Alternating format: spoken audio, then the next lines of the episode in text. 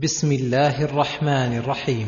والعصر إن الإنسان لفي خسر إلا الذين آمنوا وعملوا الصالحات. اقسم تعالى بالعصر الذي هو الليل والنهار محل أفعال العباد وأعمالهم أن كل إنسان خاسر والخاسر ضد الرابح والخسار مراتب متعددة متفاوتة.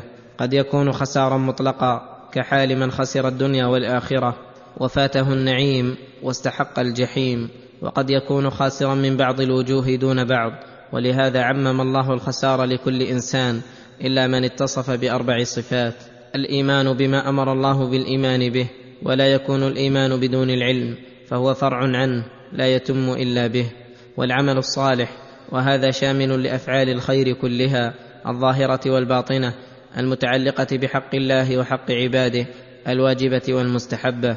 وتواصوا بالحق وتواصوا بالصبر. والتواصي بالحق الذي هو الإيمان والعمل الصالح أن يوصي بعضهم بعضا بذلك ويحثه عليه ويرغبه فيه. والتواصي بالصبر على طاعة الله وعن معصية الله وعلى أقدار الله المؤلمة.